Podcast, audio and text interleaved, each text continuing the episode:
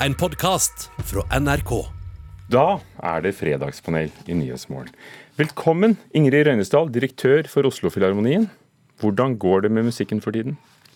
Så jeg tror det går bra med musikken, den er slitesterk. Men eh, hvis du spør hvordan det går med Oslofilharmonien, så kan du også si det går veldig bra. Men det er utrolig trist at uh, i en sånn tid hvor jeg har så mye å by på, bare kan ha to, 200 mennesker i salen. Så vi håper jo Men dere har fått kanskje titusener på nettet, da? Ja, nå tror jeg vi er tre millioner som har sett Beethoven 9 ved Oslofilharmonien. Ikke sant?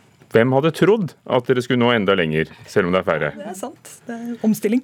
Vetle Lid Larsen, forfatter, god morgen. God morgen. Og Kjersti Horn, regissør. Hvordan er det på teaterscenen? Du, du, du, fikk jo, du sto, laget jo en, en forestilling du, som ble årets beste under Amanda og alt, men ja, det er ikke så lett. Prisen, som det heter. Ja, nei da, og den ble avlyst rett etterpå. Ja. På grunn av denne smittesituasjonen. Ja. Har dere fått det med dere? Det har vært en debatt i USA. Ja. ja. ja. Eh, og det det var mye snakk om etter den første av disse to kandidatdebattene, var jo at de snakket i munnen hverandre, på hverandre den gangen. Det ville de unngå, så nå skrudde de av den eh, andres mikrofon i de første to minuttene eh, av hver del. Etter det dere har fått med dere nå på morgenkvisten, har det vært vellykket, Vetle Lid Larsen? Ja, altså Det har jo tydeligvis vært det. For at, Ja, altså. Vi begynner sånn ja, nei. Det er lenge siden du har vært her, jeg vet det. Ingrid, Ingrid Røynesdal. Kjersti Horn. Ja.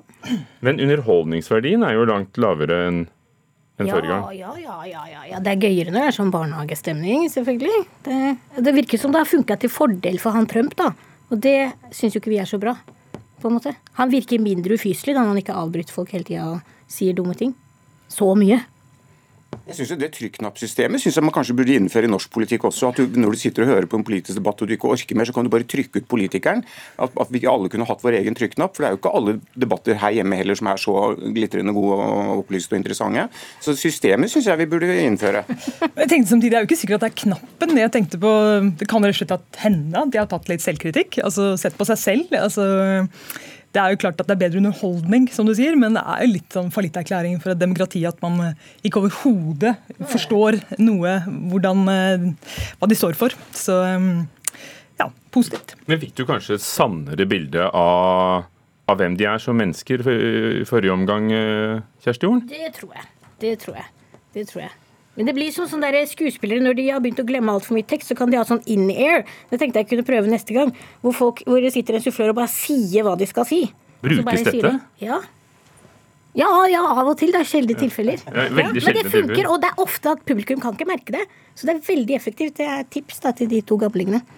Jeg, jeg, jeg synes, sitter jo med den følelsen, med, med all respekt han har sagt, og ingen respekt for, for de ulike partene her, at et så fantastisk land som USA er, med, med de beste universitetene og de beste finansinstitusjonene, og de beste symfoniorkestrene og de beste museene og en stjernenasjon, og så sitter vi der med to altså Det er som å være på Jurassic Park, ikke sant? Med Sånn Tyrannosaurus rex mot Brontosaurus, føler jeg. Er dette de to beste representantene for tross alt, tross alt et dynamisk og ekstremt levende demokrati? Det, det er helt ufattelig, spør du meg. Uten å, å si noe mer. Men dere nikker. Ja, jeg er enig. Ja, det er bare eh, eh, Vi gleder oss til at valgkampen er over, kan vi ikke si det sånn? Nytt spørsmål. Den franske læreren Samuel Paty ble drept etter å ha vist karikaturtegninger i undervisningen sin. Det karikaturtegninger som skulle forestille Mohammed, men ingen har vel egentlig sett ham. Men det var nå i hvert fall hensikten. Eh, Han underviste om ytringsfrihet, karikaturstrid eh, og alt som angår det, og hadde også bedt eh, nennsomt noen elever forlate klassen hvis det er sånn at de følte seg støtt. President Macron belønnet ham med republikkens høyeste utmerkelse, æreslegionen, denne uken. Samuel Paty fut tué précisément pour tout cela. Han døde for alt dette, alt det republikken står for. Må vi vise tegningene for å undervise om karikaturstriden og ytringsfrihet? Ingrid Røynesdal. Ja. Kjersti Jorn. Nei. Vetle Lidarsen. Ja, absolutt. Jeg, jeg tenker ikke at man må det for å undervise om det. Altså, masse lærere står i kjempevanskelige situasjoner med, med barn og ungdommer fra, med utrolig forskjellige verdigrunnlag og bakgrunner. Hovedmålet for dem må jo være å få disse barna og ungdommene til å forstå kompleksiteten i den konflikten uten å skape nye konflikter i klasserommet. Jeg kan ikke skjønne at det ikke er mulig å gjøre. Jeg mener ikke at man ikke skal kunne gjøre det, men jeg tenker ikke at det er nødvendig. Alltid. Det er litt som å diskutere musikk uten å høre musikken. Altså det er litt som å, måte, altså, Forutsetningen for et opplyst ordskifte er jo at man virkelig forstår hva man diskuterer. Og det at man blir eksponert for ubehagelige ytringer, mener Reina er hele, hele grunnlaget og fundamentet for demokratiet. og jeg opplever også Han har åpenbart forsøkt å gjøre det på en respektfull måte. og Det er jo det som er litt av balansen her. Det tror jeg også. Jeg syns han virker som han har vært en klok lærer. Det er ikke det. Men jeg tenker ikke at man må det. Men, men, det er jo på en måte den grunnleggende erfaringen ved å skulle leve i et liberalt demokrati, er jo å, å, kunne bli utsatt for ytringer du ikke liker selv, og, og, også reagere adekvat på det. Og Det er faktisk noe man må undervise i og, og fortelle om uh, til alle ulike parter uh, i dette samfunnet. Og Det innebærer faktisk å vise de tegningene. Gjør man det ikke, så er det jo også et, et knefall for terrorisme og for uh, en, en, en forbudsmentalitet kriminalitet som vi ikke kan identifisere oss med eller godta, rett og slett. Et eller annet punkt i en sånn undervisning så kan det hende at det er riktig å ta fram de tegningene, men det er ganske mye man kan gjøre for å berede grunnen for at barn og ungdommer er klar for det. Men, men, det er jo ikke bare i, i undervisningen, men det er jo en del av, av, samfunnet vårt. Det er jo en av bærebjelkene. Nettopp uh, ulike sånne ytringer. Det er det de vi må forsvare, og det må og alle kunne tåle. Og det må vi rett og slett få til, ellers så er det, det er et skudd i, i foten. Men da tror jeg man må gjøre det på en veldig klok måte og bruke tid på at eh, de menneskene og de minoritetsgruppene og de motsetningene, at man er klar for det. Man må være klok, men man må også kreve noe tilbake. Liksom. Vi kan ikke kloke oss i hjel heller, alltid. Nei, men man kan ikke alltid være så kjapp heller. og si at det, det må man. Det er vi ikke. Nei, men spørsmålet er må man det, og det tenker jeg, man må ikke det hver gang. Jeg tenker at fraværet, eller Et godt demokrati er ikke liksom fravær av friksjon heller, eh, men det er å faktisk prøve, prøve å finne balanse. Og det å virkelig opplyse veldig veldig grundig om debatter som er så relevante og så aktuelle i vårt samfunn, det, det tenker jeg, eh, Vi kommer oss ikke unna. og som sagt, så må, må, det gjøres utrolig klokt. Det er utrolig respekt for den, de lærerne i dag som sitter og skal balansere disse tingene, nettopp med de motsetningene du du skisserer. Men eh, vi må insistere på at den ytringsfriheten, den, den trumfer. Og, og, og, nå er det jo da et helt lite nettverk som er arrestert i Frankrike, siktet for og, og snart kanskje tiltalt for denne forbrytelsen. Eh, for det å måtte gjøre det og med livet som innsats er jo noe vi kanskje ikke hadde trodd for eh, en liten stund siden. Det virker kanskje fjernere her enn de gjør nå i en, en liten by rett utenfor Paris.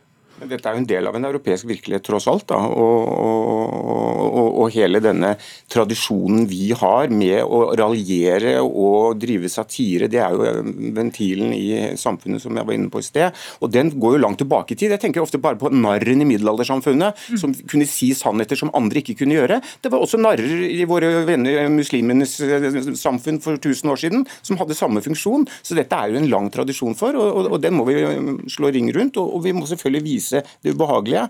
Eh, det er det, er det essensielle, eh, rett og slett. Altså. Vi har ikke blasfemiparagrafen lenger, men vi har kanskje nye områder hvor vi er redde for å støte? Altså Disse grensene endrer seg vel uh, hele tiden. Man tror jo man til enhver tid sitter med et veldig sånn godt bilde av uh, hvordan det skal være, men uh, vi ser jo historisk sett at dette endrer seg voldsomt. og Nettopp derfor så må vi ha en, et godt handlingsrom og en, en ja, et stort fleksibilitet rundt disse tingene. Som Parti var jo historiegrafilærer. Snart er jo dette historie. For oss er det samtid, men det er allerede moderne historie. Karikaturstriden i Norge. Bør forlagene ta det inn i, i lærebøkene i neste opplag? Det bør de absolutt gjøre. Og, og, og, Med bilder, altså? Det er klart de bør gjøre det. Det tror du det vil skje? Nei, nei det, det, må du spørre dem om. Jeg tror ikke det. Og, hvis det er pga. En, en, en, en frykt, så, så, må man tenke seg om en, en ekstra gang, øh, syns jeg. Øh, de hører hjemme der, selvfølgelig. Det er en del av historien, som du sier allerede. Så det, det er en, en ny, god sak å lage her i NRK. Vil dette skje, og hvorfor skjer det ikke? Har vi berøringsangst? Men vi alle har respekt for de konfliktene vi nå faktisk eh, berører. Og jeg tenker Vi alle også har et ansvar for å bygge broer, men det er akkurat det som, eh, som Vetle også sier. Vi, vi, er nødt til å gå inn i det. Vi må på en ja, måte ikke tape den uh... Men man må gå varsomt når man gjør det, tenker jeg. Jeg tenker Man går så jævlig kjapt liksom, til å si sånn Ja, det må vi. Vi må vise de. Ja, Men gjør vi egentlig det? Nei, men spørsmålet var så stilt på den måten. Mm. Mm. Det var kanskje det. Mm. Men vi er jo litt nennsommere med omtaler av mennesker og litt mer sånn vare Men det behøver ikke bare fordi man har berøringsangst, det kan også være fordi at man er klok. Men man må huske på én ting, veldig viktig å si. Det å respektere våre venner muslimene, det gjør vi, men vi kan allikevel stå på, på en måte det viktige i å vise tegningene og ha total uh, ytringsfrihet og ytringsrom på det området. Begge enig. tingene er mulige. Ja, er det syns jeg er en god løsning. Nå skal vi ikke kloke oss til, som du sa. kloke oss i hjel. kloke oss i hjel. Eh, vi vier et par minutter til eh, norsk kunsthistorie. Dette er lyden av en rekord. Og tredje og siste for 14 millioner kroner. Dette bildet kan si samler hele hans kunstnerskap. Den stille natten, vi har eh, sommerhimmelen, og vi har det trolske i skogen. Kanskje det er noe som skjuler seg der. Med den rammen som er håndskåret av han selv. Store, gode oljemalerier fra Kittelsen finnes nesten ikke. Det Knut Forsberg fra Blomkvist kunsthallen beskrev her, er altså maleriet 'Andersnatten', som ble solgt under Blomkvists jubileumsseksjon 150 år denne uken. Et motiv fra det berømte fjellet i Sigdal for 14 millioner kroner. Dyreste norske bilde noensinne solgt i Norge. Det har vært noen Munch til noen enda mer eventyrlige priser, men står prisen i stil med kunstnerisk verdi, Kjersti Horn? Ja. Vetle Larsen? Nei. Ingrid Reinesdal? Kanskje si nei også. Altså, det kunne vært eh, vesentlig mye mer. Det er jo et fantastisk, eh, fantastisk bilde. og på en måte Det å prise kunst i dag er utrolig vanskelig ting. Det er til syvende og sist et marked. Altså, Hva er en, hva er en uh, Beethoven-symfoni verdt opp mot en Mozart-symfoni? Altså, Du kan ikke sitte og prise kunst på det viset der. Det er, kunstverden i dag er til syvende og sist um, en, en, et pengemarked på, alle, som på mange andre måter. Så hadde Beethovens 9. vært ett verk som ble solgt, og så, så, som kanskje dette går inn i en privat samling og blir gjemt bort for de neste 50 årene, hva, hva hadde det vært, vært da? Nei, det fins ikke penger for det. Kjersti Det er jo tydeligvis verdt det siden noen betaler det, da?